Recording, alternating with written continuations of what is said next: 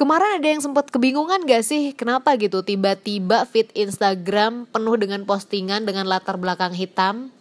Nah buat kamu yang belum tahu, ini adalah salah satu gerakan aksi solidaritas atas kematian George Floyd.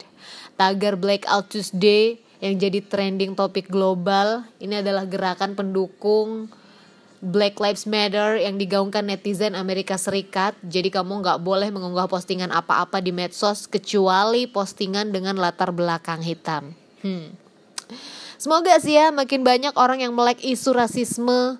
Gak ada lagi tuh yang namanya komen-komen bernuansa supremasi kulit putih. Seperti misalnya, eh pengen nyari bule nih buat perbaikan keturunan